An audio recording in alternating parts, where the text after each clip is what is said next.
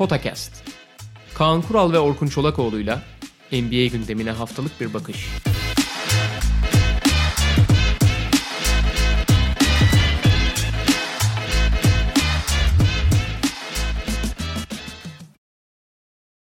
Merhaba, Potakast'a hoş geldiniz. Kaan Kural'la birlikte NBA playofflarını konuşmaya devam ediyoruz. Artık konferans finallerine doğru yaklaşıyoruz. Konferans finaline adını yazdıran takımlardan biri belli oldu. Diğerlerinin belli olmasına da çok az kaldı. Boston-Toronto serisi 7. maça uzandı.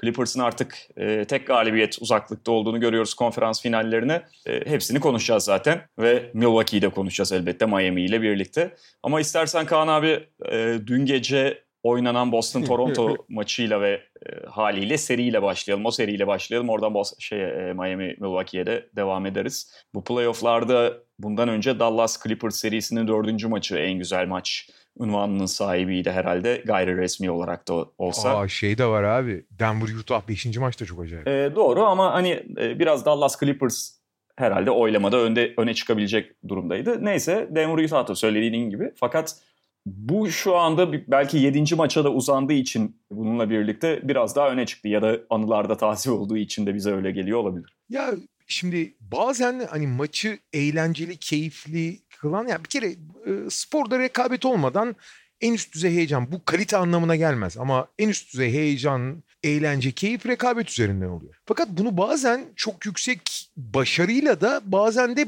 başarısızlık ve tuhaflıklarla da sağlayabiliyorsun genelde tabii kaliteler ve başarı üzerinden oku yani e, daha yüksek rekabet olduğu zaman hani gerçekten bir şaheser ortaya çıkıyor. Fakat mesela bu, bu buna örnek olarak işte şey verebiliriz mesela Denver Utah o açıdan çok daha iyi.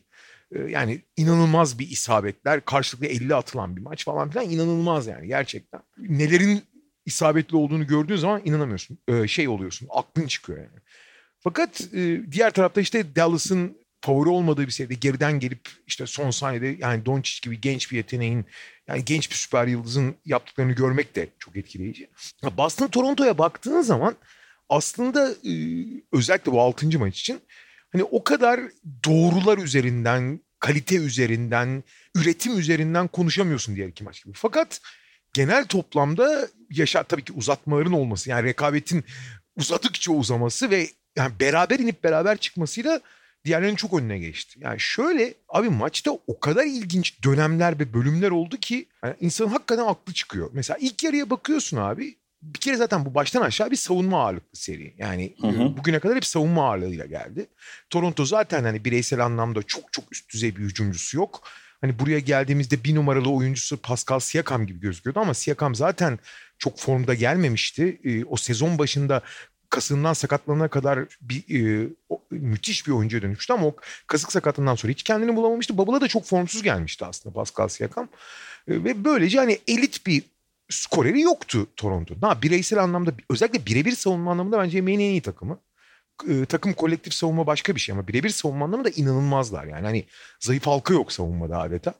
O, o savunmanın gücünden, o inanılmaz mücadeleciliğinden beslenip işte bunu mümkün olduğu kadar açık sahaya savunmanın tetiklediği açık saha oyununa dönüştürüp yarı sahada da mümkün olduğu kadar hayatta kalmaya çalışıyorlardı. Ekstra dış isabetiyle vesaire. E Boston'a bakıyorsun Boston zaten çok disiplinli bir takım. E, onlar da çok üst düzey bir savunma takımı aynı zamanda. Kolektif savunmaları çok üst düzey. Bireysel savunmacıları da iyi. Ama mesela savunmada onların zayıf bir halkası var. Kemba Walker zayıf bir halka savunma itibariyle. Her ne kadar disiplinli ve elinden geleni yapıyor olsa da zayıf halka sonuçta. Ama Jalen Brown, Jason Tatum, Marcus Smart üçlüsü olağanüstü bir savunma şeyi yaratıyor. Direnci. Tice da en azından hareketli. Ee, eğer fizik olarak çok ezilmezse o da fena değil. Şimdi özellikle Toronto'nun oyunu çok yani savunma odaklı işlemesi. Boston'ın da Gordon Hayward'ı kaybettikten sonra özellikle nicelik anlamında e, personelin azalması bayağı bir savunma mücadelesi dönüştü. Zaten serinin ortalama skoru 103-97 mi ne öyle bir şey. Normal süreler için konuşuyorum. Hı hı. Ee, yani bu 2020'deki 103.97 20 e, yıl öncesinin 85-82'sine denk geliyor yani. Ya da 83-80'ine denk geliyor. Ee, ya buradan anlamak gayet normal yani gayet önemli. Şimdi abi dünkü ilk yarıya bakıyorsun. Çok az top kaybı var ilginç bir şekilde. Toronto bir top kaybetti. Boston dört top kaybetti. Ee, ama e, zaten hani yüksek kalitede şut bulmanın çok kolay olmadığı bir seride hiç isabet bulamadılar ilk yarıda. Yani daha doğrusu çok düşük isabetlerde kaldılar ve görece az top kaybına rağmen skorun çok yukarı çıkamadığı bir maç oldu. Abi sonra ikinci yarı bir başladı. Abi inanılmaz ya. Üçüncü çeyrekte Toronto 9'da 6 3 kattı. İlk yarıda 6'da 0 atan Fred VanVleet 3 tane. Fred VanVleet 30 saniyede 9 sayı attı abi. Hı hı. Ay inanılmaz. Böyle bir hücumdan 6 sayı çıkardılar. Üçlük atarken e, kast, e, flagrant çıktı. 3'te 3 foul attı. Topu kenardan çıkardı bir üçlük daha attı. Tek hücumda 6 sayı buldular yani. 9'da 6 attı. E, Boston'da 9'da 5 attı abi aynı çeyrekte. Sonra şeye kadar, dördüncü çeyreğin ortasına kadar inanılmaz hücum performansları. Yani savunma devam ediyor ama ne, her şeyi sokuyor takımlar. Abi son 5 e, Toronto bir 10 sayı 12 sayı kadar öne geçti. Ondan sonra Boston biraz kaldı. Abi son 5 dakikada da bambaşka bir şey oldu. Abi son 4 dakika 40 saniyede sayı atamadı Toronto. sıfır sayı ya sıfır. Boston kaç sayı attı? Boston 4 sayı attı. 4-0 bitti de son 4,5 dakikanın skoru da.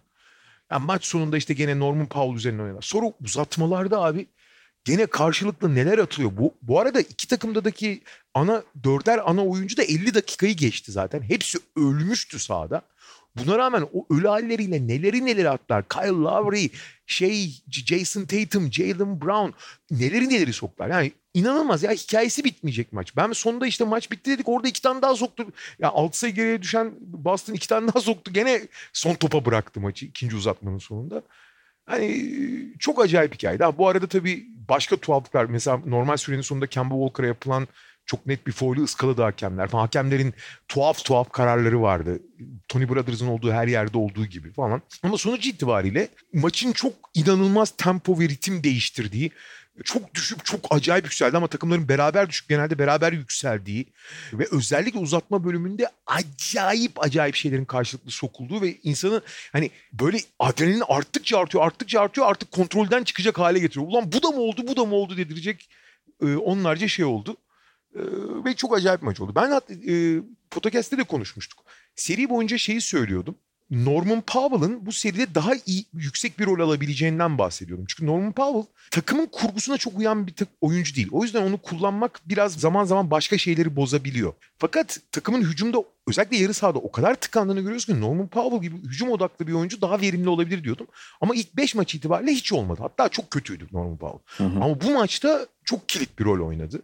Nitekim Mark Gasol'ün artık daha doğrusu Mark Gasol özelinde bence basketbolun iyiden iyiye artık Mark Gasol türü uzunlardan ne kadar uzaklaştığını görüyoruz. Mark Gasol belki o tip işte ayakları çok çabuk olmayan ama basket yani savunma bu da pozisyon almayı çok iyi bilen, çemberi inanılmaz hep doğru zamanda doğru yerde olarak savunan, açıyı, rakip oyunu iyi bilen, hücumda da aynı zamanda top trafiğinin bir parçası olan bir uzunun belki de bunun en iyi temsilcilerinden biri tarihteki. Her ne kadar biraz yaşlandığı için en iyi döneminde olmasa da Mark Gasol'ün bile artık sahada kalmakta ne kadar zorlandığını görüyorsun. Abi seri boyunca her geçen maç dakikaları azalmaya azaldıkça azaldı Mark Gasol'ün. Çünkü abi yetişemiyor ayakları ve artık ayakların yetişemediği zaman doğru yerde olman bir şey ifade etmiyor. Çünkü oyuncular sürekli yer değiştiriyorlar kısalar potaya giderken de ve çok zor durumda bırakıyorlar Mark Gasol'ü. E Mark Gasol hücumda da çok az şey üretmeye başlayınca tamam pas trafiğinin bir parçası oluyor olmasına da atmıyordu hiç. E, o yüzden e, iyiden iyiye dakikaları 20'nin altına düşmeye başlamıştı. Bu maçta iki tane üçlük soktu üçüncü çeyrekte. 8 sayı attı ama orada biraz daha beslendiler. Ama maç sonunda gene Gasolsüz 5 kısayla oynadı. Gasolsüz ve Ibaka'sız. Ibaka çok iyi bir seri geçiriyor. Gasolsüz Ibaka'sız 5 dış oyuncuyla bitirdi Toronto. 3 maçtır bunu yapıyor Nick Nurse. Fakat bunun hani avantajları olduğu gibi çok ciddi dezavantajları var. Daniel Tice, Shaquille O'Neal gibi oynadı son bölümde. 4 tane çok kritik hücum reboundu aldı. 12 sayı attı. Maçın son son çeyreği ve uzatmalarında 12 sayı attı abi Daniel Tice. Ve hani rebound oluyor atıyor, rebound oluyor atıyor. Şey pota altına giriyor, devriliyor, içine vuruyor falan. Hiç eşleşmiyorlar yani. Bu arada hani yeri gelmişken Nick Nurse'un çabuk olmak adına kısalması bari en azından Tice'ı Pascal Siakam'la eşleştirmesi gerekiyordu. Görüyoruz işte Nick Nurse'u çok övdük. Çok hak ederek, e, hakkıyla övdük.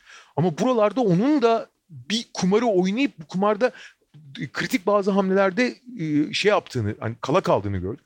Bir de bu arada Nick Nurse'un bence kasıtlı yaptığını çok düşünmüyorum ama çok önemli bir oyunun kaderini değiştiren bir hamlesi vardı. Bunu yapmaması gerekiyor abi. Ne kadar kasıtlı ayrı bir tartışma konusu. Bu Jason Tatum'un acayip bir pası var ya dışarı giden. Aha. Abi orada Sahada şey anladım. Hiç durmaması gereken bir yerde duruyor. Hı. Ve üzerindeki tişört de yeşile çok yakın olduğu için Jason Tatum kan- ya- yanıltıyor abi o. Son Evet. anda Jason Tatum penetreden sonra köşede baktığı anda oraya atıyor Nick Nurse'e doğru top taca, taca gidiyor yani. Nick Nurse'e gidiyor. Zaten hani pozisyonu hatırlayacaktır şimdi dinleyen ve izlemiş olanlar. Yani tamam basit top hata, şey pas hatası elbette olabilir ama orada Jason Tatum'un yapacağı hatta herhangi bir oyuncunun yapacağı bir hata değil o. Çok tuhaftı söylediğin gibi. Gerçi Aynen. maçtan sonra biliyorsun Tatum şey yani üstünde durmadı ama biraz bence hani nezaketen durmamış olabilir. Çok hani tamam kaybettik Ve- falan ve ben hata yaptım. Şimdi bunu öne sürerek böyle çirkeflik yapmayayım diye. Ama mesela Jalen Brown, gerçi Jalen Brown da biraz e, sportman davranış adına eleştirmiş ama şey dediğin gibi muhtemelen pay sahibi Nur- Nurse'un orada durması. Ve Nurse'un orada durmaması lazım abi. Orası dip çizgi abi. Normalde koçun durduğu yer bellidir. Orta çizgiye yakın. Tabii, Dip tabii, çizgide durmaz koç yani. Ee, son olarak şeyi söyleyeyim abi. Bu seride bol bol konuştuk ama abi Celtics'in bu seride daha komple ve daha yüksek tavanlı bir takım olduğu kesin. Tamam mı? Yani bence bu serinin en önemli iki hücumcusu çünkü Celtics'te. Yani Kemba Walker ve Jason Tatum. Hatta ve hatta Jalen Brown'u bile sayabilirsin eğer sadece hücumculuk açısından konuşuyorsak. Hani spesifik olarak oyuncu özellikleri açısından. Ama işte hani Kyle Lowry, Pascal Siakam artık sayamıyoruz herhalde. Bu seride saymayalım da zaten. Hı hı. Ee, ama Kyle Lowry ile Jalen Brown da kafa kafaya bile sayabilirsin normal şartlarda yani. Fakat Boston'ın çok ciddi bir personel eksiği var. Yani Gordon Hayward'da olmadığı zaman bu oyunculardan yani bu üç ana aktörün, üç ana hücumcusundan Jalen Brown, Jason Tatum ve Kemba Walker'ın herhangi birinin kötü gününü kaldıramıyor abi. İşte Marcus Smart'tan ekstra bir şeyler alırsa, Daniel Tice'dan ekstra bir şeyler alırsa ki aldılar. İşte Grant Williams'dan iki tane üçlük aldılar falan ama bunlar beslemeye yetmiyor abi hücumu. Bu üç oyuncundan ya bir iki kö- kötü demeyeyim yani kötü oynadığı zaman hani yine bir şekilde idare edebiliyorsun yan kaynaklarını ama çok kötü olduğu zaman ya da çok o rolünü doldurmadığı zaman yetmiyor abi. Şimdi mesela Kemba Walker 3 maçtır çok iyi oynadı. Bu maçta hiç yoktu ortada. Abi yetmedi. Hakikaten yetmedi yani. Tyson ekstra katkısı, şeyin eks Grant Williams'ın ekstra katkısı, şeyin ekstra katkısı, Vanamaker'ın ekstra katkısına rağmen yetmedi abi. Ben sana bir Hakikaten örnek yeter. vereyim abi arada. Sen 3 maçtır dedin. Mesela 3 maçtır değil tam abi şey. 3 galibiyettir daha doğrusu iyi oynuyordu da. Doğru. Şey, Doğru. arada kaybettikleri bu dördüncü maçta mesela şey kaç şut atabildi abi o gün bir saniye. 9 9 9 9. şut atabildi. Ha konuşuyorduk hatta. Yani o gün mesela Kemba Walker'ın 9 şut atması demek Toronto Raptors'ın ona izin vermemesi anlamına geliyor. Ve onu ne kadar yaşadı Boston Celtics o maçta? Kemba Walker sınırlandı. Tatum belli bir ölçüde sınırlandı. Jalen Brown'un da en kötü oynadığı maçtı hatırlayacaksın ve başka Hı hı. bir yerden skor kaynağı bulamıyorlar. Ya, ya, ya buldukları da çok az kalıyor yani çok çok az kalıyor. Onu diyorum. Hı. Ama zaten hani burun farkı hani Toronto'da üretemediği için mesela abi Boston bir kere en büyük ölümcül günah şey belirlemiş. İnanılmaz iyi geri koşuyorlar abi. Ya bu seride hiçbir maçta 10 fast break sayısı bile bulamadı abi Toronto. Onu bulamadığı zaman abi Toronto'da yani o kadar sorunlu bir hücum takımı ki hani çok ekstra sok, şut sokmaları dışında işte bu maçın ikinci yarısında olduğu gibi hakikaten onlar da üretemiyor. Yani bir, bir çeşit kına kına sürüne sürüne finish çizgisine gelmeye çalışıyorlar. Evet. Celtics problem yaşamadığı zaman yani daha doğrusu ana oyuncu problem yaşamadı demeyelim. Ana oyuncu, ana hücumcuları rolünü doldurabildiği zaman hep bir adım önde. Ama işte onlardan birinin şeyini de e, kaldırmıyor takım eksiğini. Evet ve e, şimdi 7. maça gelindi. Hı. Ee, senin de hani söylediğin gibi Celtics'in o zenginliği biraz mesela birinci e, maçta özellikle ve şeyde bir önceki maçta yani 5. maçta skora da net yansımıştı. Çok başından itibaren Celtics'in kontrolünde olan maçlardı. Ee, kaldı ki hani tabii ki orada Celtics'in savunması da etkili ve Raptors'ın yarı saha savunmasında, yarı saha hücumlarında kendisini o sıkışmışlıktan çıkaracak oyuncu bulmakta zorlanması. Bunun, bütün bunlar önemli faktör oldu.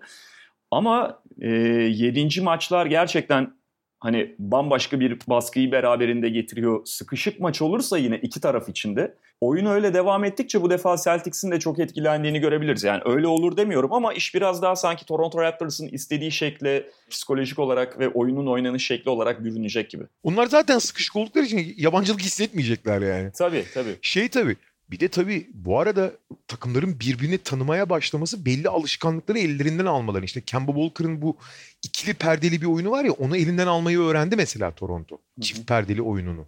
Artı fiziksel olarak inanılmaz yıprandı takımlar. Bu, ya diğer konferans yarı finalleriyle yoğunluk açısından fersah fersah fark var bu seride. Yani savunma ağırlıklı olmasının da katkısı var ama çok yoğun oynanıyor. Yani inanılmaz yıpratıcı zihinsel ve fiziksel olarak. E son maç iki uzatmaya gitti. Bütün ana oyuncular 50 küsur dakika sahada kaldı. Sadece bir gün arayla oynuyorlar. Hı hı. Tamam seyahat yok ama bir gün arayla oynuyorlar. Hani fiziksel ve zihinsel olarak da hakikaten kanının son damlası maçına çıkıyor. O yüzden hani buradan bir şey okumak, bir şey görmek zor ama ben sana şeyde katılıyorum. Şartların zor olması, optimumdan uzak olması hep Toronto'nun işine gelen şeyler. Çünkü Toronto kalite üzerinden çok işleyen bir takım değil. Yani kalite üzerine inşa edilmiş bir yapı yok şu anda yani. Onlar mücadele üzerinden, şey üzerinden inşa etmiş durumdalar. Ne ben sinekten yağ çıkarmaktan, e, efordan sonuç çıkarmaktan üzerine daha çok kuruldular.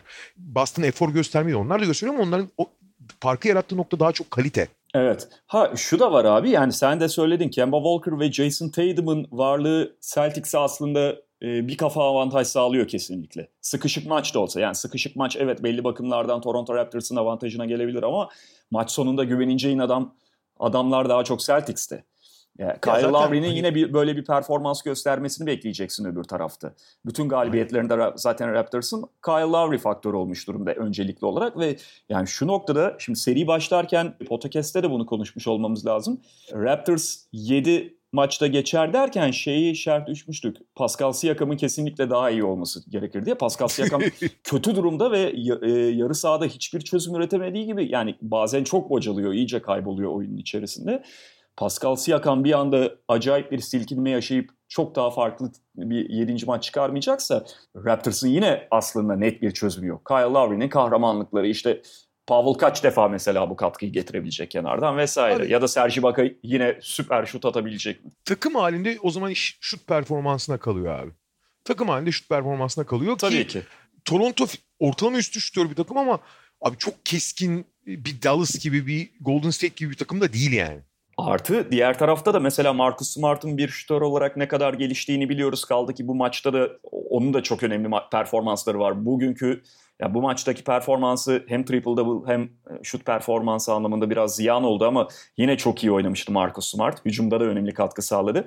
Ama Mar- Marcus Smart'ı çok iyi biliyoruz. Marcus Smart'ın 11'de 6'dan sonraki maçta 11'de 2 atamayacağı, at, atıp atmayacağını bilemezsin. Pekala atabilir. Ben ben çok basit bir şey söyleyeyim. Philadelphia serisinde 15'te 2 üçlük attı abi Marcus Smart. Evet. Yani diğer taraftan bak Jalen Brown maçtan maça da değil. Jalen Brown'un bu maçın iki devresindeki performansını düşün. Doğru. İlk yarı ve ikinci yarı tamamen farklıydı. Dolayısıyla yani e, Celtics'te de tabii ki o Tatum ve Walker'ı tamamlayan oyuncuların durumu ne olacak? Keza Kemba Walker'ın e, hangi şut performansını göreceğiz? O da bazen gitgeller yaşayabiliyor. Nitekim 11'de 2 e, atabildi bu maçta. Çok fazla bilinmez var. İki takımın belli avantajları var. Belki Celtics'in kağıt üstü Tatum Walker avantajı biraz daha öne çıkıyor gibi ama e, yine de 7. maç sanki yine yakın geçecek gibi. Ya şey işte normalde bütün faktörler dengelendiği yerde serinin en iyi oyuncusu şey ağırlığını koyar ve farkı yaratır deriz.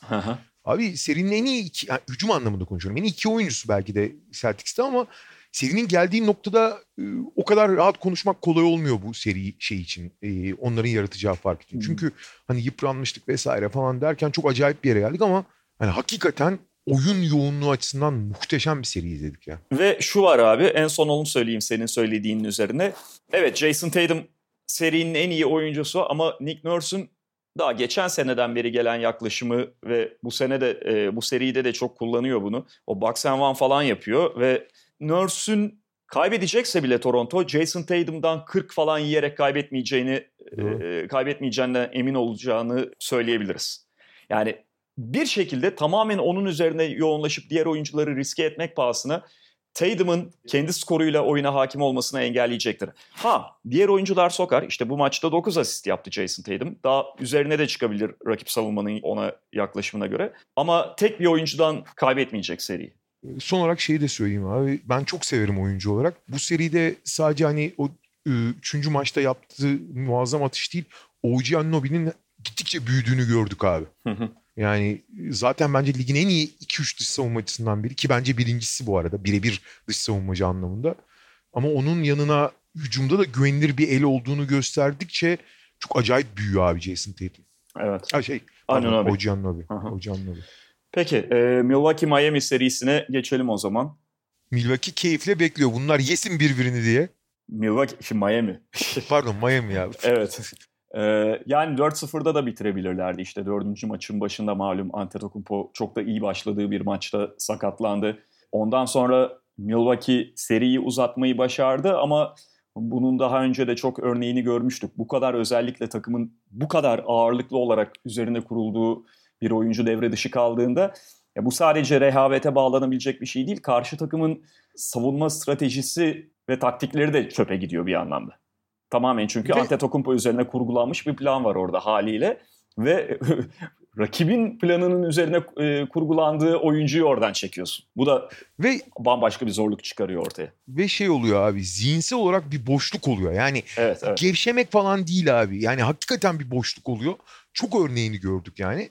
Ha tabii o boşluğu doldurabiliyor musun? Abi çok iyi doldurdular o maçta özellikle. Başta Chris Middleton. Hı hı. Ee, Chris Middleton çok iyi bir seri geçirdi e, bence. Yani yenilgiye rağmen. Çünkü geçen sene Toronto elenirken çok haklı bir şekilde eleştirilmişti Chris Middleton. Antetokounmpo'yu tamamlayacak oyuncu rolünü alamamıştı. Bu sefer gayet aldı. E, Fakat bu seri bence şeyi çok gösterdi ya. Abi özellikle seri oynandığı zaman e, akıllı savunma takımlarının e, daha doğrusu belli bir seviyenin üzerindeki seriler ilerledikçe ne olursa olsun belli bir seviyenin üzerinde savunma takımları karşına geliyor. Rakip senin ana planını ve ana opsiyonunu, onun ilk opsiyonunu bozmaya kaynak ayırdıktan sonra oyunun sıkışmaması lazım. Abi. Oyunun sıkışmaması da ancak topla bir şey üretebilen, bir miktarda olsa üretebilen oyuncular üzerinden geçiyor. Mesela bence bunun en güzel örneklerinden biri Seth Curry abi. Şimdi Seth Curry biliyorsun hep Stephen Curry'nin kardeşi olarak yeteneksiz Curry gibi algılanıyor. Stephen Curry çok öne çıktığı için. Halbuki muazzam bir şutör olduğunu biliyorduk. Ama Seth Curry özellikle bu sezon neyi öğrendi abi? Hani köşede bekleyeyim işte bir Kyle Korver türevi. Hani gelince keskin şutumu sokarım zaten genetik Allah genetik acayip bir miras vermiş. Delik hayvan gibi sokarım. Fakat Seth Curry'nin bu sene özellikle bir dribling, iki dribling üzerinden pozisyon değiştirebildiğini, potaya hala çok gidebildiğini yani Stephen Curry gibi gidemiyor. Stephen Curry çok iyi potaya gider.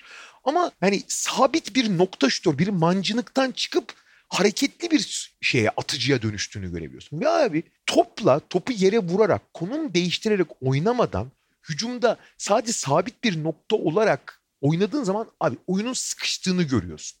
Şimdi topsuz hareket etmek de buna katkı verebilir ama topsuz hareket bunu o kadar sağlamıyor abi. Topun sıkışmaması lazım. Ve topun sıkışmadığı her zaman savunma ne yaparsa yapsın belli kalitede bir atış bulabiliyorsun. Tabii ki optimum en iyi kaliteyi bulmak çok kolay değil ya da düzenli bulmak kolay değil. Hücum sistemi ne kadar elinden geleni yaparsa yapsın. Fakat zaten abi oyunu belirleyenler senin ne kadar çok kaliteli şut bulduğun değil ne kadar az kalitesiz şut bulduğun üzerine kurulu. Hani hücumcular o kadar gelişti ki zaten belli bir kalitenin üzerindeki atışlar şey oluyor yeterince yüksek oranda giriyor.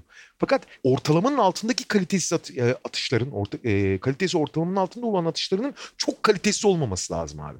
Onları en azından sadece bireysel olarak basata yaklaştırabiliyorsan veya organizasyon illa atış yapman da önemli değil abi. Mesela Miami'nin önemli özelliklerinden, en büyük sorunlarından biri çok hücum ağırlıklı ve çok savunma ağırlıklı oyuncuların olması. Fakat savunma ağırlıklı oyuncular topla oynayıp top trafiği de sağlayabildiği topun sıkışmamasını sağlayıp e, oynadılar. Şimdi bütün seriyi gözün önünden geçir abi 5 maçı. Herhangi bir maçta ortalamada şöyle bir sahne ortaya çıkıyor. 100 hücum yapıyor takımlar tamam mı?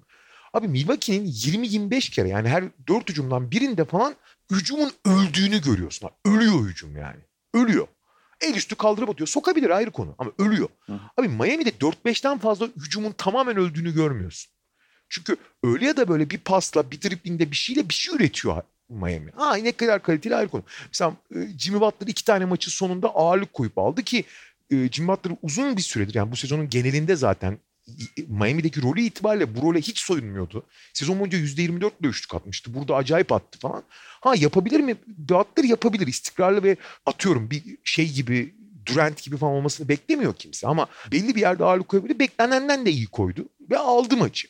iki maçı. Ama onun dışında da Miami'nin genel olarak hiç hemen hemen hiç sıkışmadığını gördüm. Ya da çok zor durumlara düşüyorsun. Zor duruma düşüyorsun ama çok zor duruma düşmüyorsun. Bu abi bence önümüzdeki yani bir kere Milwaukee'nin kadro yapılanması için işte Pat Connaughton, Wesley Matthews, Brook Lopez şey e, Dante DiVincenzo, Eric Bl- şimdi Eric Bledsoe'yu biraz ayırıyorum. Eric Bledsoe çünkü topla bir şey üretebiliyor ama genelde çok kötü karar verip çok kötü ürettiği için negatif etki de yaratıyor. Ama Hı hı. bu oyuncuların aslında değerli olsaydı mesela ben de, bence Brook Lopez muhteşem bir seri oynadı. Çok iyi bir seri oynadı. Yani kariyerinin serisini oynadı belki de.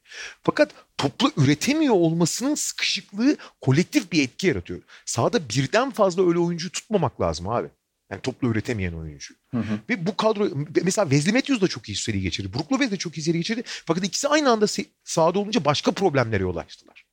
Ee, ve bu bence sırf Milwaukee için değil pek çok takım için önümüzdeki se- sezonlar için nasıl Marc Gasol'un etkisi artık hiç kalmadıysa Marc Gasol tipi oyuncuların Hı hı. bu tip daha bu arada Kyle Korver da dahil edelim o listeye. Bu tip oyuncuları da çok fazla istihdam etmemek gerektiğini hani tabii ki belli oranda tutabilirsin. Katkı da verirler. Mesela sadece Wesley Matthews olsa veya sadece Brook Lopez olsa nitekim Antetokounmpo çıktıktan sonra bunlar o kadar büyük problem olmadı. Daha çok toplu oynayamayan oyuncular ve diğer oyuncular biraz da mecburiyetten toplu oynadığı için o kadar da büyük problem olmadı. Daha Milwaukee seviyesi daha düşük ama en azından daha az sıkışan bir oyun oynadı çoğu yerde. Bunların önümüzdeki yıllar için hani takımların yapılanması, basketbolun değişimi açısından da çok iyi şey olduğunu düşünüyorum ben. Çok iyi nokta. Yani çok önemli e, referans noktaları olduğunu. Yani problem şu ki Milwaukee'nin böyle bir derse ihtiyacı olmaması gerekiyordu. Bu sene alacağı Evet. bir ders. Yani bunu geçen sene Bledsoe Brogdon kararı verdiler. Şimdi takımların mali yapısından ötürü, e, şartlardan ötürü bazen bir yol ayrımına geldiklerini biliyoruz. Fakat bir yol ayrımını kabul edeceksek bile yani bu iki oyuncuyu birden tutamayacaklarını kabul edeceksek bile orada kesinlikle yanlış yola saptılar. Önce Bledsoe ile yenilediler. Ardından Malcolm Brogdon'la lüks vergisi gibi yükler ortaya çıkacağı için kontratı yapmamayı tercih ettiler ve çok kritik bir hata oldu. Belki franchise'ın bundan sonraki yıllarını değiştiriyor olan bir hata oldu. Ee, ve böyle bir hatayı aslında yani geçen seneye de bakıp yapmamaları gerekiyordu. Ha şunu söylemek gerekiyor en azından kendi adıma. Ben yine de Milwaukee'nin şampiyonluk favorisi olduğunu e, düşünüyordum playoff'lara girerken. Ben de. Ama ama yani e, çok ağır biçimde yaşadılar o sıkıntıyı. Bir de kötü eşleşme oldu. Yani Miami onların zaaflarını... Mesela Boston bence Miami'den daha iyi takım. Fakat mesela Boston onları o kadar bu kadar zor durumda bırakamazdı. Şeyden dolayı. Savunma ağırlıklı oyuncuların fiziksizliğinden dolayı. Hı hı. Anlatabiliyor muyum? Çünkü savunma ağırlıklı oyuncuları kısa ama çok fizikli oyunculardı. Bu arada yeri gelmişken söyleyeyim abi. Bam Adebayo'nun yükselişi zaten en çok gelişme kaydeden oyuncu ödülünde ikinci oldu ama Hı hı. Bam Adebayo abi 2020'li yıllar için ideal 5 numara budur. En çok karşılayan oyuncu olmaya başladı. En iyi 5 numara değil ama ideal 5 numara bu özelliklere sahip olmalı abi. Hani bi- birden 5'e kadar her pozisyonu savunabilmeli, e, ikili sıkıştırmadan e, help and recover'ları yapabilmeli, top trafiğini durdurmamalı ve son dönemde Bam Adebayo'nun tek eksiği olan bitiricilik konusunda da biraz özgüven kazandığını gördük. Çünkü temiz bir atışı var, Hı hı. iyi serbest atıcı. Yavaş yavaş atışına da bakmaya başlayıp illa ana skorer olması gerekmiyor ama bir skor opsiyonunda olabildiği daha komple olduğu anda abi ideal 5 numara budur yani. Hem kuvvetiyle oynuyor hem çabukluğuyla ikisiyle birden oynuyor. Çünkü bugün artık bir 5 numaradan istenen şeylerin haddi hesabı yok yani. Uzun olup bir engel yaratması her yere yetişmesini bekliyorsun. Diğer oyunculardan çok çok daha büyük sorumluluklara sahip oluyorlar. Ve Bam Adebayo abi şu anda katkısından çok daha değerli bir oyuncu sahip olabilmek adına. Ve e, çok büyük fa- fark yarattığını düşünüyorum ben Miami'de. Çünkü diğer herkesin Miami bir kere ben Eric Spoelstra'nın yaptığı iş olağanüstü. Çünkü NBA şu anda playoff'a giren takımlar arasında yönetilmesi en zor takımlardan biri. Çok fazla hücum ağırlıklı oyuncusu, çok fazla savunma ağırlıklı oyuncusu var. hı. Çift taraflı oyuncusu sadece Jimmy Butler gibi gözüküyordu. Ben Adebayo biraz hücuma dahil olunca o da çift taraflı olmaya başladı. Ama onun dışında abi bakıyorsun abi beyazlar, bütün beyazlar iyi hücumcu, çok kötü savunmacı.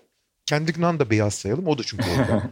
Siyahları da çok iyi savunmacı ama kötü hücumcu. Gerçi Jay Crowder da müthiş tutarak o listeden kendini biraz dışarı çıkardı. Evet o yani sağlam parça olarak bir kenara ayırmak gerekiyor onu Butler'ın Ama yanında. mesela o da topla üretemiyor hiç mesela. Ama en azından şut soktuğu için onu barındırabildin yani. Hı hı. Ee, çok iyi şut soktu bir kere. Ama Ben Adebayo'nun yükselişi e, şu anda bir NBA hiyerarşisi yapsan, hani NBA listesi, abi ilk 20'de ilk 15'te gayet rahat sayabilirsin Ben Adebayo'yu. Ve abi Jimmy Butler'ın üzerine koyar mısın? Ben koyarım şu aşamada ya. Onun değerini ve önemini düşünürsek. Ha öbür yandan da abi gerek Adebayo gerek Jimmy Butler öyle de iyi bir uyum sağlamış durumdalar ki sağ dışında da abi hücumun liderinin Goran Dragic olmasına gayet rahat izin de verdiler. O rolde çok iyi oynadı Goran Dragic. çok iyi yönetilen, çok iyi uyum sağlamış saha içinde, saha dışında. Zor ama ortak bir şey üretebilen, zaaflarını kapatıp güçlü yanlarını öne çıkaran harika bir seri geçirdi Miami. Evet. Peki o zaman batı tarafına geçelim. Ee, geçelim abi. Denver geçelim. Denver Clippers'la devam edeceğiz. Burada da Los Angeles Clippers 3-1'lik üstünlüğü almış durumda. Yani şunu da söylemek gerekiyor. Kaybettikleri tek maçı da biraz da öngördüğümüz gibi büyük ölçüde kendi yaklaşımlarından ötürü kaybettiler. Ee, cıvık, maalesef, babam, cıvık babam affedersin dediğimiz. Öyle ve Clippers'ın hani musluğu açıp kapama huyu malum. İlk maçı çok farklı kazanmışlardı. Denver'ın zaten yorgunluğu da belki faktördü ama Clippers çok ağır bastı. Sonra ikinci maçta Clippers yine böyle maçtan 5 dakika önce otelden alınıp abi sizin maçınız varmış diyerek getirilmiş gibi sahaya çıktı. Bunu çok yapıyorlar maalesef. Denver Nuggets da hücumda iyi başladı. Farkı 20'lere çıkardılar. Ondan sonra Clippers oyuna dönmeye çalıştı ama bu defa da şey çok kötü bir hücum günündeydi Clippers. Zaman zaman hücumla pekala kurtarabiliyorlar kendilerini içine düştükleri çukurdan. O gün kurtaramadılar. O gün Kawhi Leonard playoff'taki bu sezonki en kötü maçını oynadı belki. İşte Paul George iyi değildi vesaire. Çıkamadılar. Üçüncü maçta mesela enteresan biçimde üçüncü maçta yine şeydelerdi.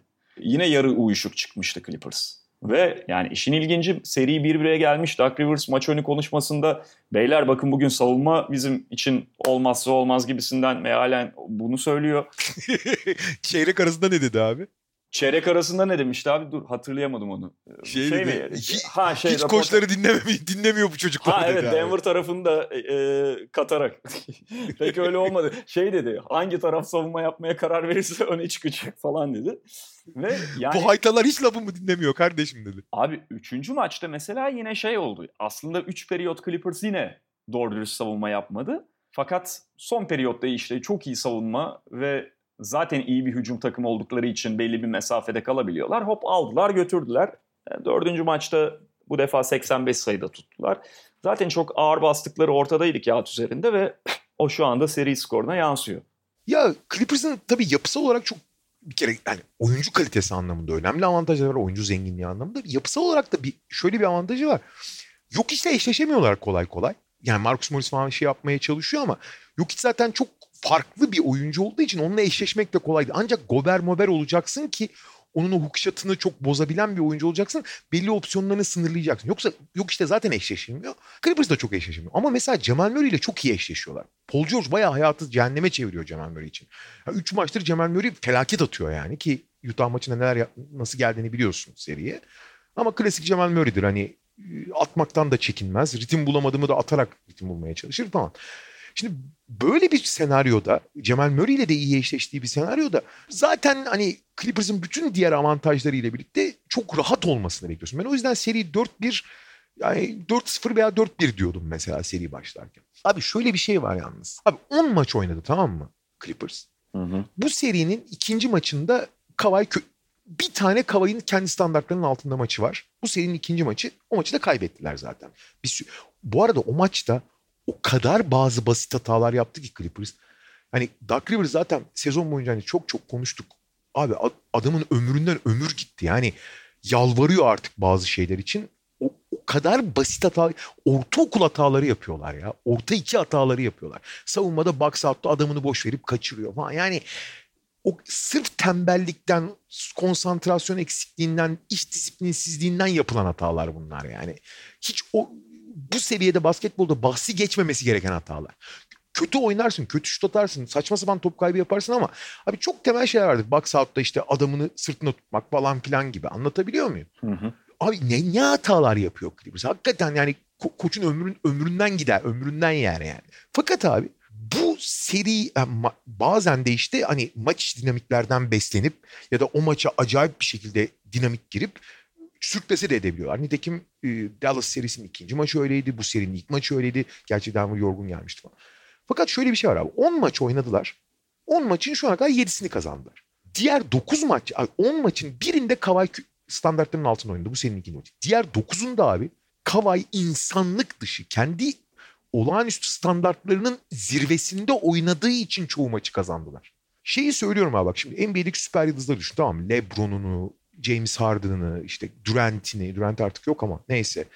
Antetokounmpo ne kim dersen. Herhangi başka bir süper yıldız olsa abi Kawhi yerine Clippers çoktan Dallas serisinde elenmiş falan olabilir. Ya da bu maçın 5'ini anca kazanmış olabilirdi. Kawhi bütün bu şımarıklıkları tek başına çoğu maçta temizledi ya.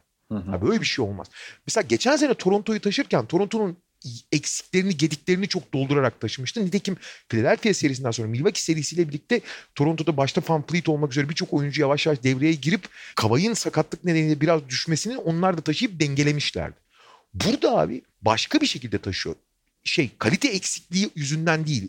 Dikkatsizlik, umursamazlık, lakayetlik, cıvıklık şeyini taşımak zorunda kalıyor. Kavay ve hani yatsınlar kalksınlar Kavaya, Kavaya ve bu kadar formda bu kadar iyi durumda bir Kavaya dua etsinler yani. Öyle. Hani acayip kurtarıyor takım yani. Öyle böyle kurtarmıyor hem de. Yani e, oyuna yaklaşımı gerçekten çok siniri bozucu bir takım Los Angeles Clippers ama çok birincisi ne olursa olsun gerçekten çok yetenekliler. Yani şu anda kalan takımlar arasında hani favorilik falan ayrı konu matchup'lar çok önemli oluyor. E, fakat yetenek toplamında en iyiler kaldı ki zaten sezon başlarken de e, birçok insan sezonun genelinde de bunu söylüyordu.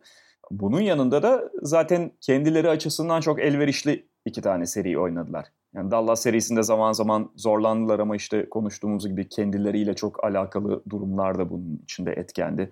Artı Porzingis'in sakatlığı İbre'yi iyice Clippers'a çevirdi. E Denver Nuggets Clippers'a göre çok yani Clippers için elverişli bir rakip.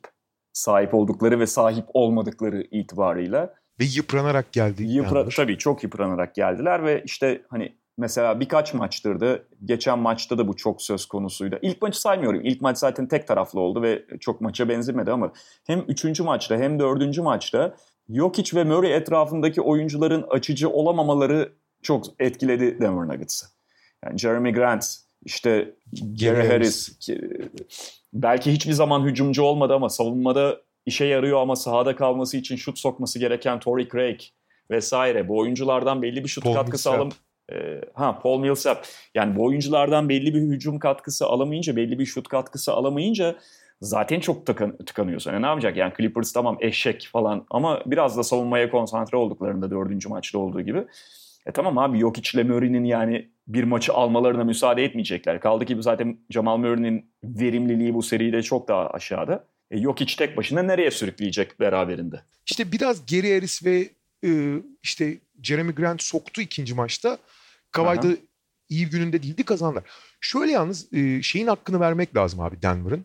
Denver bu maçta yani onlar da hani elleri de armut toplamıyor. Evet bir takım sorunları ve Clippers'a karşı büyük dezavantajları olsa da çok akıllıca bir şey yapıyorlar abi. Bir kere zaten Geri Harris döndükten sonra Murray'in yok için yanına Harris, Millsap ve Jeremy Grant'i 3 tane artı savunmacıyı ekleyerek bir kurgu yaptılar. Yani iki tane kötü savunmacının yanına üç, üç tane iyi veya işte ortalama üstü savunmacı veya iyi savunmacıyı eklediğin zaman bir takım yardımlarla, bir takım paternlerle en azından ısınma turnikesi yememeye başlıyorsun. Çünkü Utah serisinin başında ısınma turnikesi yiyorlardı sürekli. Her şeyi yiyorlardı. Hı hı. Ve şöyle bir şey yapıyorlar abi. Kavay topu ne zaman alırsa şimdi diğer oyuncular da çok tehlikeli. Sen de söyledin. Hani acayip potansiyelli bir takım Clippers. Yani her bir takımda herhangi bir maçta 20 sayıyı geçme ihtimali olan 7-8 tane falan oyuncu var abi. Paul George geçebilir. Marcus Morris denk getirirse geçebilir. Ee, şey geçebilir. Lou Williams geçebilir. Montrezl Harrell geçebilir. Jackson, Jackson belki geçebilir süre alırsa. Ya en azından 12-13 sayı atar. Zubat da öyle abi. Çok acayipler yani. Paul George 30 atar abi. İstediğim attı zaten. Gördük 3. maçta. Şimdi bu arada mesela 3. maçı da tamamen şeyle kazandılar ya. Paul George'da Kavay'ın müthiş Kavay'ın yanına bir de Paul George eklendiği için kazandılar. O maçı ne kadar kötü oynadı abi Clippers çok kötü oynayıp iki tane süper performansla kazandılar yani. Neyse fakat şunu yapıyorlar abi. Tamam ne olursa olsun büyük tehlikenin Kavay olduğunu bildikleri için Kavay topu aldığı zaman bir tane savunmacı bir tane de kör noktasına onu sıkıştıracak ikinci bir savunmacı gidip sıkıştırıp topu elinden çıkarmasını istiyorlar.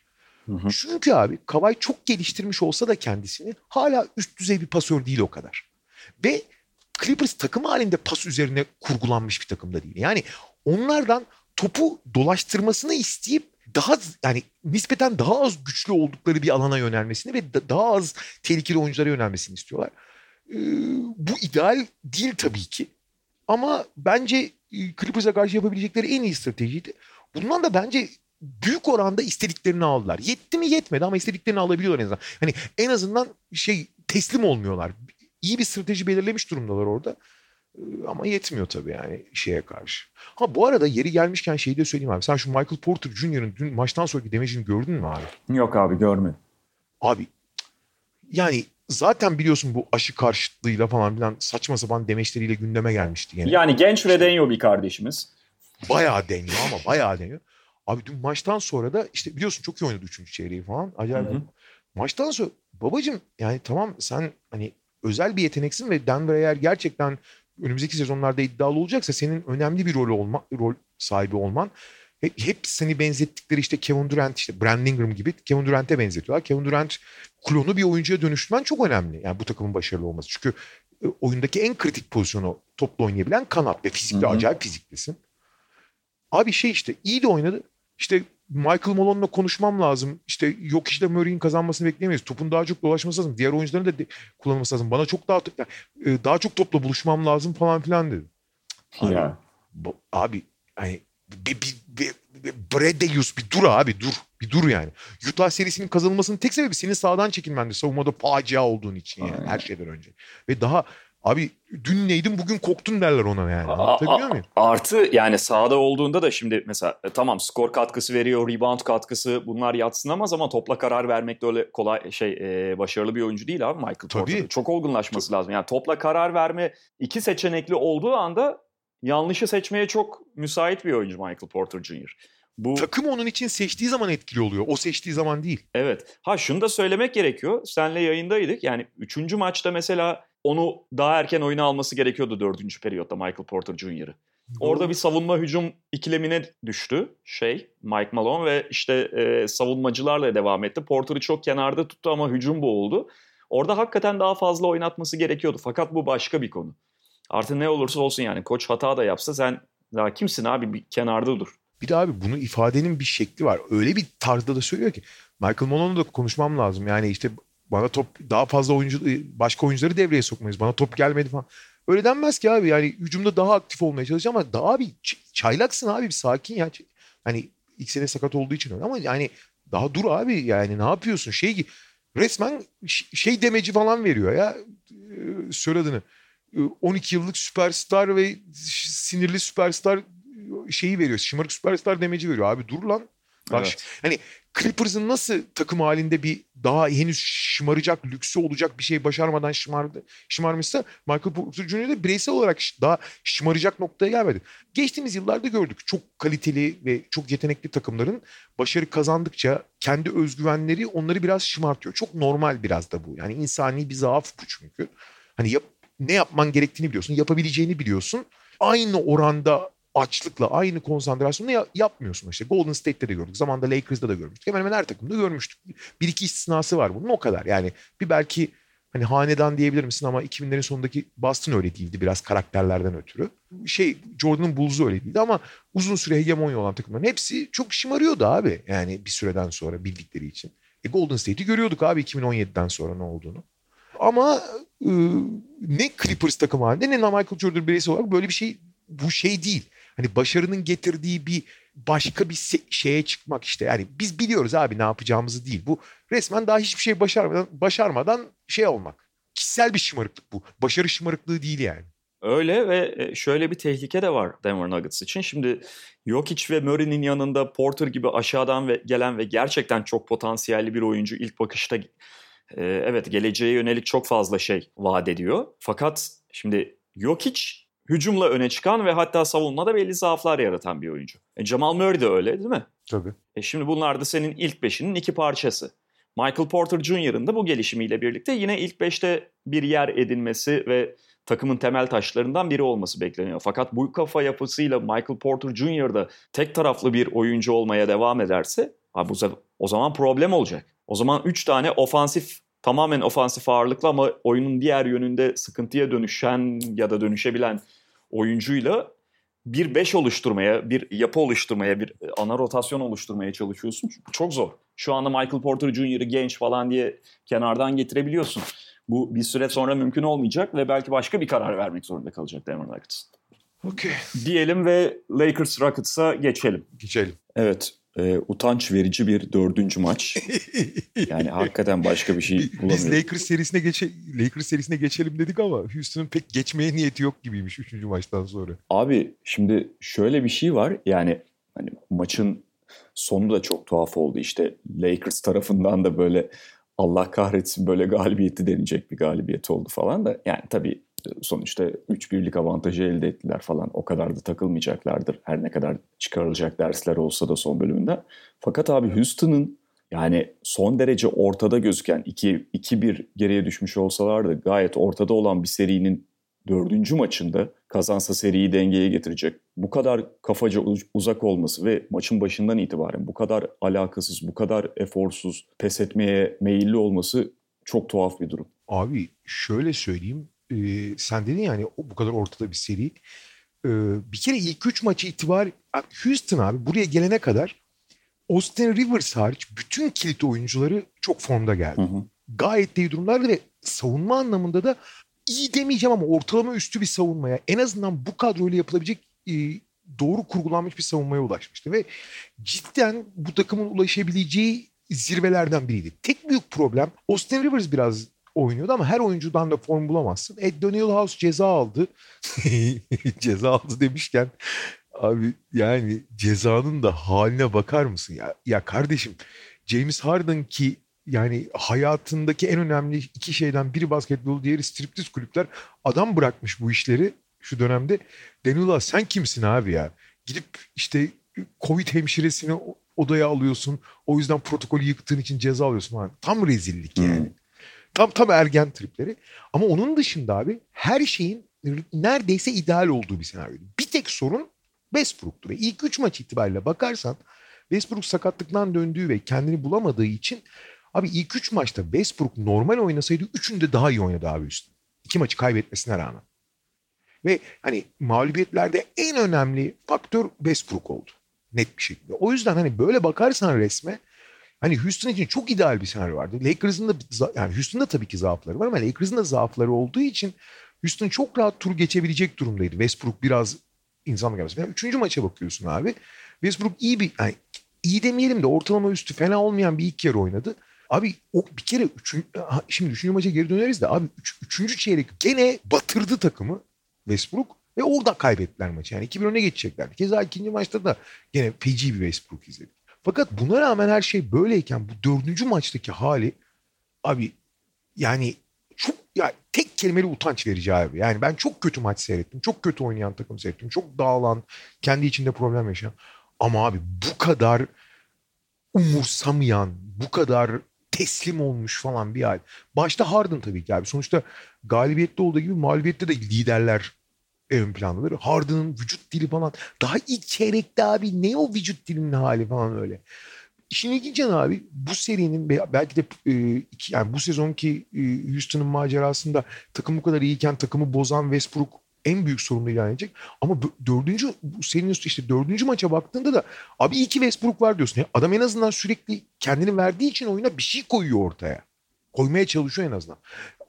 Houston yani gerçekten maça zorunlu çıkmış gibiydi. Yani zorla oynuyor gibilerdi yani.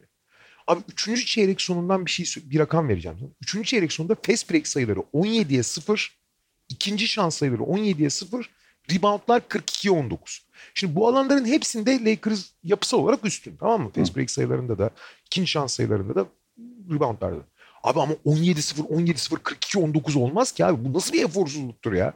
Öyle. Ve işin komiği abi yani e, söylediğin gibi Lakers bu alanlarda zaten üstünlük sağlayacak yapıda o e, avantajlara sahipler belki ama Lakers iyi bir gününde de değildi o kadar. Hiç değildi abi.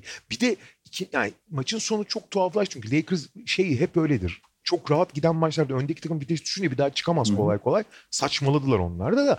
Ama yani hiç iyi bir gününde değildi Lakers. Yani bunda, Lakers'ın ha. 4 maç içinde en kötü oynadığı maç bile olabilir. Bir iki şeyi istisnai yani Caruso'yu falan istisnai olarak dışarıda bırakırsın. Ya yani. şöyle ilk maçı bir kenara ayıralım. Hani ilk maçta da hiç iyi değildi Lakers. Bu Lakers iyi gününde değildi derken üçüncü periyodun ortalarından itibaren başlayan gevşeme gevşeme kısmını da dışarıda bırakarak yani Lakers'ın fark attığı kısımdan bahsederek söylüyorum. Lakers gerçekten mesela keskin bir gününde olsaydı paramparça ederdi. E, hiç Abi şöyle hiç dönüş şansı olmazdı Houston Rockets. Ya şöyle 90-40 gibi bir skor görsek şaşırmazdım ben Evet. yani. Sadece yani e, üçüncü maçın ikinci yarısında çok iyi savunma yapmışlardı. O e, savunma planı ve uygulaması devam etti ilk yarıda. Fakat yani Houston o kadar sabote eden, o kadar böyle satış diyebileceğin eforsuzlukta oynadı ki Lakers da etkilendi ve sonuçta NBA maçları 48 dakika gerçekten uzun yani. E, o eforu erken bırakırsan sen de önde olan takım olarak bir şekilde tuhaf bir şekilde e, rakip de böyle biraz şut attığında Houston öyle zaten ortaya gelebiliyor maçlar. E, tabii ki Lakers'ın o da eforu kaldıramıyorsun kolay kolay. aynen öyle aynen öyle yani hadi o üçüncü periyot şey ilk yarı savunmasına dönelim falan yapamıyorsun onu. Lakers da çok katkıda bulundu garip top kayıpları falan ve gerçekten kafacı onlar da maçtan çok erken çıkmış oldular ama yani Houston'ın ortaya gelen maçı bile alabilecek hali yoktu zaten. Bir sonda bir heyecanlanır gibi oldular Lakers'da iyice uyurken de yani ama abi hakikaten utanç verici ya. Bu arada abi üçüncü ve dördüncü maçların ilk yarılarına bakıyorsun tamam mı? Abi üçüncü maçın ilk yarısı Lakers adına korkunçtu ya. Bir de Houston tıkır tıkır oynuyor. Westbrook da top oynuyor falan filan. Dümdüz üstünden geçecek gibi. Abi LeBron nasıl bir direnç koydu orada ya. Ve seninle Milyoner'de de konuşuyorduk. Sen de söylüyordun. Bir de çok karakter dışı bir direnç koydu. Hani şey gibi resmen Stephen Curry'e bağladı ya. Ya da Kevin Durant'e bağladı yani. Acayip şut sokarak inanılmaz bir hücum performansı. Yani 3. maçın ilk yarısı 15 hatta 20 sayıyla bitmediyse yani LeBron'un ve- gerçekten acayip bir şut performansına koyduğu direnç inanılmazdı. Sonra ikinci yarıda aynı LeBron bu sefer savunmada sürekli turnike yedikleri için savunmada acayip bir şey koydu. Ee, Çember savunması şeyi koyarak. Ee, Yani LeBron'un kariyerinde gerçekten çok görkemli maçlar var ama serinin üçüncü maçı e, LeBron şeyinde e, almanağında çok özel bir sayfa. Yani top 10 performanstan biri olabilir abi. Evet. İnanılmaz bir maç oynadı ya. Olağanüstü bir maç oynadı yani gerçekten. Ve şey şimdi LeBron'un rakamsal olarak veya belki genel performans olarak daha iyi maçları vardır. Fakat abi bu kadar ihtiyaca cevap veren bir maçını da çok nadir hatırlıyorum ben. Ha, çoğu zaman tabii tek başına oynadığı bir sürü maç var da burada abi hani hücumu tamamen ilk yarıda ayakta tutup ikinci yarıda takım savunma yapamadığı için savunmayı tamamen ayağa kaldırmış olması. Yani bu kadar ne lazımsa yaparım maç çok acayip bir maçtı yani. Belki de o da yani Houston'ın ulan biz bu adamı yenemeyiz şeyine katkı olmuş oluyor. Şeyi de unutmamak lazım bu arada. Hani ben serinin başında da söylemiştim onu. Zaten 7 maçlık bir seriden geliyor Houston. Yıpranmışlar ve Harden'a da acayip baskı geliyor. Fiziksel olarak zaten kısa olduklarını çok biliyorlar. Seri ilerledikçe fizik farkından dolayı çok yıpratacak diyordum Lakers. Fakat Lakers bu seride önemli yani Frank Vogel önemli bir değişikliğe gidip tamamen fizik üstünlükten vazgeçip Houston'ın oyununu oynamaya başladı. Ve hani Houston öyle bir takım ki abi şey değil hani genelde iki takım karşı karşıya geldiği zaman kendi oyununu dikte etmeye çalışır. Houston'da öyle bir durum yok abi. Houston'un oyununa en azından belli bir miktarda adapte olmak zorundasın. Çünkü Houston onu yapmazsan sana çok zarar veriyor. Çok büyük riskler alıyor. O riskleri şey yapamıyorsun. Yani yeterince cezalandıramıyorsun başka türlü. Hı hı. Ee, yani Markif Morris'in son maçta ilk 5'e alınması ya da dakikaların artması bence büyük soru işareti. Her ne kadar ikinci maçı da iyi şut atmış olsa da. Fakat şey çok ilginç. Beni en çok şaşırtan e, yani bunun yararları ve zararlarından bahsedeceğim de buna cesaret edebilmek çok ilginç. Abi Lakers ikinci maçtan itibaren ciddi şekilde alan savunması yapıyor. Ciddi miktarlarda ve 1-2-2 alan savunması. Şimdi burada iki tane tuhaf olan şey var. Birincisi Lakers hiç alan savunması yapmadı sezon boyunca. Hiç alışkanlığı yok. Bu oyuncuların herhangi bir alışkanlığı da yok öyle yani. Şimdi alan savunması da ne olursa olsun bir şey gerektirir yani her sistem olduğu gibi. İkincisi abi 1-2-2 alan diye bir şey kaldı mı Allah aşkına ya? 1-2-2 alan diye bir şey olmaz abi. Yani 1-2-2 ve 1-3-1 alan savunmaları artık tedavülden kalktı basketbolun değişiminden dolayı. Çünkü 1-3-1'de köşe üçlü veriyorsun. 1-2-2'de ortası bomboş yani. Hani hiç alakan yok. Oraya saplanan her oyuncu paramparça eder. Fakat şöyle bir durum var abi. Şimdi alan savunmasının bir takım avantaj, dezavantajları var. Birincisi iyi pas trafiği olan bir takım çok rahat şut buluyor. Tamam mı? O yüzden zaten artık alan savunması yapılıyor. Her takım çok iyi şut attığı için. Şimdi bu, sadece bunu düşündüğün zaman bu bir intihar gibi geliyor. Çünkü e, Houston iyi pas trafiği olan bir takım ve yani üçlük onların ekmeği suyu yani. Hani tüm NBA'de böyle bir üçlük seviyesi yok yani atma volüm olarak. Fakat abi bu 1-2-2 alanı çok dışarı baskılı yapıyor Lakers. Yani tamamen 3 sayının etrafında yapıyor. Ortayı değil. Zaten 1-2-2 ortayı boş bırakıyor. Pot altını değil tamamen 3 sayıyı savunmak üzerine yapıyor. 3 sayı çizginin dışında en azından yakından falan rahatsız etmek için yapıyor. O yüzden Houston güle oynaya penetre edip 3. maçta abi son 5 sezonda pardon son 3 sezonda sadece 5 kere 30 üçlüğün altına 30 üçlüğün altına atlar. Çünkü üçlük çizgisini savunduğu için sürekli içeri giriyorlar ve çok rahat giriyorlar içeri. Çember caydırıcısı falan yok. Bir Lakers yani Houston'ın genel oyununu değiştirdi. İkincisi alan soğumasının önemli dezavantajlarından biri. Çok hücum rebound verir. Zaten çok kısa olduğu için yani o riski de göz alıyorsun. Fakat abi hızlı hücum tetikler alan savunması. Herkes karşıya dönük olduğu için ve düzenli durdukları için. Ee, ve buradan bir özellikle transition'dan bir takım avantajlar çıkar. Dördüncü maçın zaten %70'ini falan 1-2-2 alan savunmasıyla oynadı. E, bu, e, e, Houston'da hiç hali olmadığı için içeri girmek için falan tamamen işe yaradı. Ya böyle bir stratejik değişiklik her ne kadar dezavantajları avantajları olsa da özellikle Houston'a karşı bu kadar radikal seçimler yapmak yani Markif Morris'i ilk 5'e almak 1-2-2'ye dönmek falan koçların işte mesela Budenholzer'ın falan hamle yapmamasını çok eleştiriyoruz ama bu kadar radikal hamleler de bana tuhaf geliyor. İyi sonuç almış olsa yani daha doğrusu Lakers tabii 3-1 önde olduğu için hani iyi gözüküyor da çok emin değilim ben bunun hani e, istenen verimi verdiğinden. Hele bu kadar çok yapıldığı zaman. Ama verdi sonuçta abi. Yani e, şöyle e, o tabii Houston'ın buna bir reaksiyon geliştirememesiyle de bağlantılı. Sonuçta bozabilir bunu rakip takım. Bir de yani sadece alan savunması maç boyu yapmıyor ve yani onu hani sen dedin dışa baskılı yapıyor diye. Dışa baskının ötesinde çok baya baya ikili sıkıştırma da götürüyorlar Harden'a. Bunu sürekli yapmıyor. Harden çok kötü. Bence orada en kritik noktalardan biri ne alan savunması ne de Harden'a e, ikili sıkıştırmayı sürekli olarak yapmaması ve bu sayede biraz da belki Houston'ın tam bir adaptasyon sağlamasını engelledi. Ve, ve Houston'ı alışkanlıklarından çok çıkardılar yani ve, çok daha az üçlük atan bir takıma dönüştü. Yani şeyi de özellikle ikili sıkıştırmanın devamını da çok çalışmış Lakers. Şimdi ikili sıkıştırmayı kuru bir Harden'dan çıksın da kim ne yaparsa yapsın ezberiyle yapıyor olsaydı pekala yani delik deşik de olabilirsin ama ikili sıkıştırmanın devamını çok iyi yapıyor Lakers. Sürekli rotasyon. Ha, zaman zaman şut da verdiler. Bütün savunmaları başarıyla tamamlanmadı ama genel olarak çok iyi dizayn ettiklerini, çok iyi çalıştıklarını söyleyebiliriz. Serinin son iki maçında 30 ve 33 üçlük attı Houston ki yani onların genelde 45-50'leri rahat bulduğunu biliyoruz yani onu söylemek lazım. Ama sonuç itibariyle bu maç bayağı özellikle dördüncü maç yani üçüncü maç Lebron'un kariyer zirvelerinden biriyken dördüncü maçta Harden ve Houston için bayağı bir utanç oldu. Böyle Harden'ın hani büyük maçlarda siniyor etiketine bayağı bir katkıda verdi diyelim.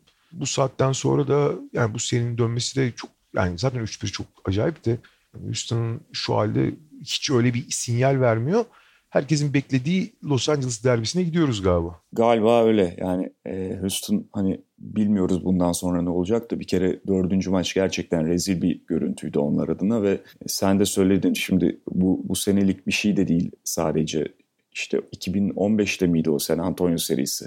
Altıncı maç yani başlı başına bir utançtı o da. Geçen sene Kevin Durant sakatlandıktan sonra Golden State'e e, o son maçı, 6. maçı yine verişleri yani bu tip bir maç değildi belki ama yine çok tuhaf ve çok böyle Houston açısından ağızda kötü tat bırakan bir maçtı. Houston'ın böyle maçları ge- yakın geçmişte çok var. Sonuçta bu takım geriye dönük bakıldığında şampiyon olamamasıyla hatırlanabilir ama şampiyon olamamak ayıp bir şey değil abi. NBA'de şampiyon olmak kolay değil bir kere yani çok zor bir şey. E, şampiyon ol, olamayan çok saygın bir takım olarak da anılabilirdi. Fakat şu Houston takımı geriye dönük bakıldığında evet biraz basketbolu değiştirdiler. Bu işte belli bir takım çağın ötesinde şeyleri yaptılar. Bunlar bunlara eyvallah fakat çok kötü elenmesiyle de hareket e, şey hatırlanacak bir takım aynı zamanda. Yani bir değil iki değil abi. Baksana yıllar içerisinde. Bütün elendikleri noktalarda, bütün sezon bitişlerinde bir tuhaflık var hemen hemen. Ve mesela şey o 27 ya şey şey tabii büyük şanssızlık yani 2018 yani 27 üçlük sezonu. Onu saymıyorum abi işte ona gelecektim. O orada bir şey yok abi o başka bir şey. Ama 2015 San Antonio serisi, geçen seneki Golden State serisi yani Tabii. çok tuhaf biçimde pes ediyor bu takım bazı noktalarda. Aynen, aynen. Ya işte bir 2018 onlar için kusursuz fırtına gibiydi. Tarihin en iyi takımını eliyorlardı yani. O bir kere denk gelmedikten sonra da odaklanmaları, konsantrasyonları vesaire ve yani işte hep fark ediyoruz ya yenilmekle teslim olmak aynı şey değildir. Abi çok yani, kötü yenilirsin, feci yenilirsin ama böyle yenilmezsin ya. Bir de şeyi söyleyeyim son olarak. Yani e, hadi işte dördüncü maç hakikaten çok değerlendirilebilecek bir maç olmadı e, teknik anlamda. Fakat ikinci ve üçüncü maçlarda biraz önce sen Westbrook'tan bahsettin. İki taraf adına belirleyiciler biraz Westbrook ve Rondo oldu ve o da çok komik bir durum. yani böyle şut atamamasıyla biraz zaaf haline gelen rakiplerin direkt üzerlerinden risk aldığı iki oyuncu. Ama tabii ikisinin rol ağırlığı farklı. Westbrook malum yani takımın ikinci en önemli oyuncusu. Hatta e, bir ara sezon içerisinde en öne çıkan oyuncusu halindeydi. Rondo ise bir yedek parça ne olursa olsun ve işte 6 aydır falan basketbol oynamıyordu sakatlık sonrası. Ee, ve Bubble'da da sakattı. Onu diyorum yani sakatlık sonrası derken normalde sakatlığı yoktu. Tam dönüşte sakatlığı oldu ve 6 aya varan bir süredir basketbol oynamıyordu. Hatta ilk maçta o kadar dakika alması da eleştiri konusu olmuştu. Ben de eleştirdim. Yani ben de çok Frank Vogel'ın yanlış sularda yüzdüğünü düşünüyordum. Ama hakkını vermek lazım. Bir kere şimdi 3. maçtaki şut performansı ayrı bir olay. O tekrar sürdürülebilirliği zor, zor onun. Fakat e, Rondo'nun ikinci ve üçüncü maçlarda oyuna kattığı sadece dış şut olmadı. Bir kere savunmada gerçekten çok farklı bir Rondo var ve takıma katkı sağlıyor. Oyunu iyi yönlendirdi. Özellikle hızlı hücumu yakaladığında Lakers çok iyi bir yönlendirici. Yarı sahada zaafları olsa da ve bu kadar böyle şey e, LeBron harici ball handling bulamayan, oyun kontrol e, şey oyun yönlendir yönlendiremeyen bir Lakers'ta Rondo hakikaten çok kritik bir boşluğu kapattı. En azından şimdi. Ve çok uzun süredir ilk defa istekli savunma yaptı abi. Evet evet istekli ve dikkatli abi. Ve şey yani evet, bazen çünkü biliyorsun top çalayım falan diye saçma sapan riskler alır. Ee, bayağı hardını falan bile bozdu zaman zaman. Evet e, Clippers Lakers'ı zaten daha sonra konuşacağız. Yani olursa. Şimdi hala bitmiş değil bu seri tabii, ama tabii. bu seriyi de böyle kapatalım. Ve bugünlük bu kadar diyelim. Tekrar görüşmek üzere. Hoşçakalın. Hoşçakalın.